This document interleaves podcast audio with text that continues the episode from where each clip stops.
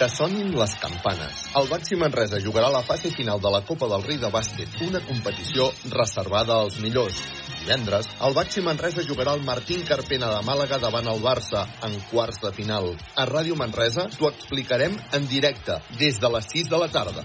Estem disposats a donar la campanada. Amb la col·laboració de Montepio, Pollastres Pujol, Salido Carrió, Immobiliària Inllopsa, Multiòptica, ARB2, Frankfurt Cal Xavi, Grup Via. En Manu, el Minimans, Manis pels amics, no, ha contractat la llum a Factor Energia i no, No. s'estalvia un 12,5%. Manu, contracteu tots la llum. A factorenergia.cat i no farem més anuncis. Per fi hi ha un altre llum. Factor Energia. Empresa col·laboradora amb la Barcelona Equestrian Challenge.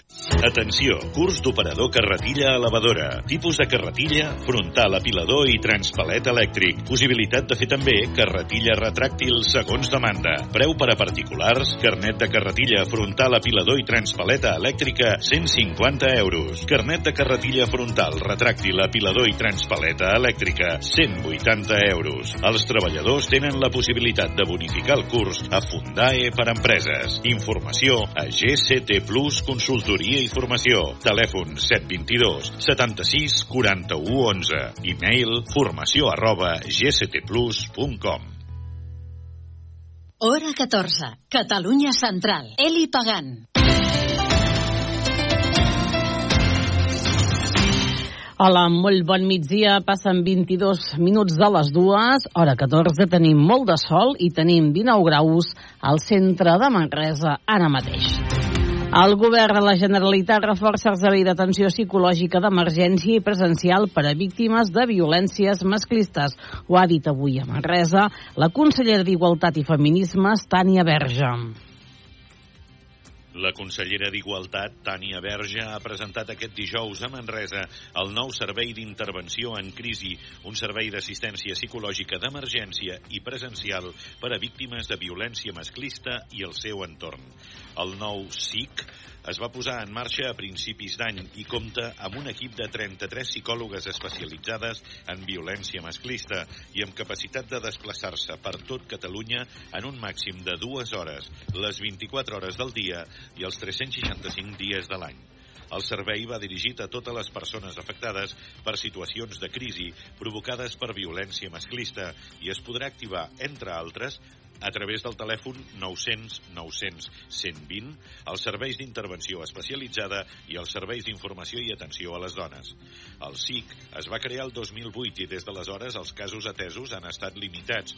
En un primer moment només es podia donar assistència a uns 5 casos l'any. El 2022 ja eren 25. El nou servei que ha presentat aquest dijous la titular de la Conselleria d'Igualtat té capacitat per fer 560 atencions anuals. El nou servei d'intervenció en crisi és clau per minimitzar l'impacte de la situació de crisi en les dones que han patit un fet de violència masclista i per mitigar els trastorns psicològics a mitjà i a llarg termini. De fet, sabem que rebre aquesta primera atenció psicològica, que sigui especialitzada, que no revictimitzi, és importantíssim per iniciar un procés de recuperació de la violència viscuda i per poder afrontar els següents passos. Tot i estar pensat per oferir atenció psicològica presencial, la intervenció s'adaptarà a les necessitats de les persones que han d'atendre i en aquest sentit també podria ser telefònica o en línia en cas que la persona, per exemple, es trobés fora del país. Les primeres hores d'haver patit alguna situació de violència masclista és eh, necessari de poder intervenir i acompanyar a la persona que, o persones, les dones que ho han pogut patir per disminuir l'impacte en la salut mental. Les primeres hores són les que es consideren mm, prim- de més importància per poder després prevenir un impacte en la salut mental. Tot i que es tracta d'un servei d'emergència, l'atenció es podrà activar tant si és una emergència recent com si la persona entra en crisi un temps després dels fets. Atendrem tots els casos, tant els més recents com els menys recents, ni que la situació de violència hagi passat mesos o anys abans, perquè entenem que totes les dones demanen ajuda o denuncien quan poden. quan surt el trauma per la violència viscuda i no deixarem cap dona sola. La intervenció serà immediata un cop s'activi, però serà acotada i limitada en el temps. Com els vam explicar ahir quan acabàvem aquest informatiu, els Mossos estan investigant la mort violenta d'un home de 28 anys a Callús. Els Mossos d'Esquadra han localitzat un cadàver amb signes de violència en una zona boscosa a prop de la llera del riu Cardener, a Callús. La víctima és un home de 28 anys que, segons avança el diari Ara, era veí de Tarragona i feia temps que estava desaparegut. Els Mossos van localitzar el cadàver dimarts als vols de les 11 de la nit amb diverses lesions. Segons apunta el mateix rotatiu, la policia va poder ubicar el mòbil de la víctima a Callús i això els va portar a la llera del riu Cardener. El mòbil va aparèixer en una zona a prop d'on finalment els agents van trobar el cadàver. La Divisió d'Investigació Criminal de la Regió Policial Central s'ha fet càrrec de la investigació per tal d'esclarir els fets i les circumstàncies de la mort. D'altra banda, el sindicat de presó CECIF ha denunciat una nova agressió a un funcionari de la presó de Lledoners a Sant Joan. En un comunicat, el sindicat explica que un intern amb patologies psiquiàtriques va agredir de manera violenta el cap d'unitat del departament, un funcionari amb més de 25 anys d'experiència. L'intern, catalogat segons el protocol de seguretat de risc d'elevat degut a la seva perillositat i amb un llarg historial d'incidents, va propinar cops de puny contundents al cap d'unitat provocada provocant-li una fractura al pòmul seguit d'agressions d'addicionals a les costelles. La intervenció del funcionari de servei amb la col·laboració dels interns va permetre la reducció de l'agressor. El sindicat denuncia que aquest incident no és un cas aïllat a Lledoners, ja que recentment també van agredir una funcionària trencant-li una dent i arrencant-li els cabells. A més, posen de relleu que el Departament d'Infermeria està destinat a persones amb mobilitat reduïda i d'edat avançada. No obstant això, assenyalen que la direcció del centre de Lledoners tendeix a ubicar a la infermeria interns amb greus problemes psiquiàtrics normalment sota règim tancat, ja que a Lledoners no existeix cap unitat especialitzada generant un greu risc de seguretat. Ahir va quedar vist per sentència als jutjats de Manresa el judici pel cas de l'estelada l'any 2018 a Manresa. Ha quedat vist per a sentència el judici que s'ha fet als jutjats de Manresa per la baralla que va tenir lloc el 30 de juliol de 2018 a la plaça 11 de setembre de Manresa, quan un grup d'independentistes es va reunir per penjar una estelada i es van veure sorpresos per quatre persones que la volien arrencar i penjar una bandera espanyola. El primer dia del judici, els independentistes van rebre el suport d'una vintena de persones a les portes dels jutjats de Manresa. Mantingut bàsicament les dues posicions. El, el grup que van, van anar a penjar la bandera, que estava, hi havia una convocatòria, doncs s'ha mantingut amb el fet de que van anar allà a penjar la bandera.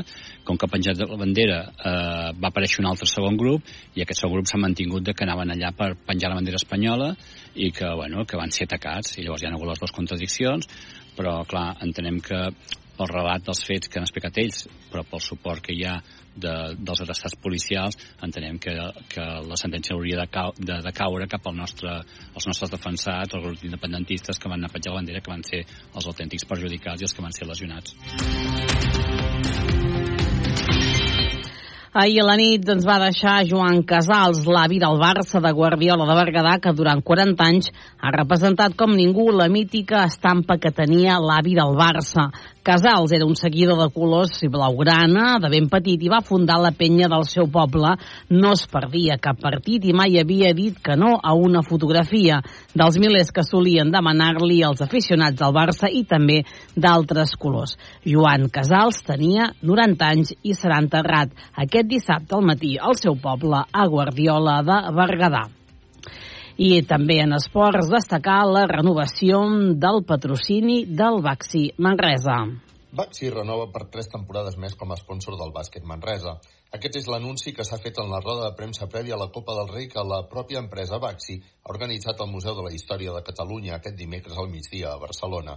Un cop finalitzada la roda de premsa, el president del Baxi Manresa, Josep Maria Herms, i el director general de Baxi, Joan Blanc, han signat el contracte que garanteix durant tres anys més el patrocini de Baxi al bàsquet manresà, i això significa que seran com a mínim nou temporades en què el nom de Manresa estarà associat a Baxi. En declaracions a Ràdio Manresa i Canal Taronja, Joan Blanc ha explicat que la sintonia de la firma comercial i el Baxi Manresa és molt alta. Pues mira, molt bé. Uh, no és realment cap sorpresa, perquè són 3 anys que es sumaran 9, i al final, des del 2018 que estarem a l'Esquet Manresa. És una renovació natural que respon a que complim els objectius, que el club està fent unes temporades amb una imatge excel·lent i tot lliga molt bé. Ens entenem les dues organitzacions, vam complir els objectius i per tant són tres més, però vés a saber. Això pot ser no acaba aquí tampoc. L'objectiu de la marca és poder seguir donant a conèixer tota la seva gamma de productes de climatització. Des de Baxi reconeixen que la fórmula està funcionant. Son dos quarts de tres. El sur de la franja. Y es un sentimiento de impotencia. Es un sentimiento de impotencia y de preocupación. Cada día nos planteamos tendremos que marcharnos y si no podremos trabajar más porque el riesgo es ya demasiado alto incluso para nuestros equipos. Los compañeros y compañeras nos están diciendo, mira, es mejor que nos caiga ya una bomba y acabemos con este sufrimiento. Que eso se acabe. Yo ya prefiero que eso se acabe. Es lo que dicen los profesionales de Médicos Sin Fronteras. Es la frase que ha dejado esta mañana en los micrófonos de la SER la presidenta de esta organización en España.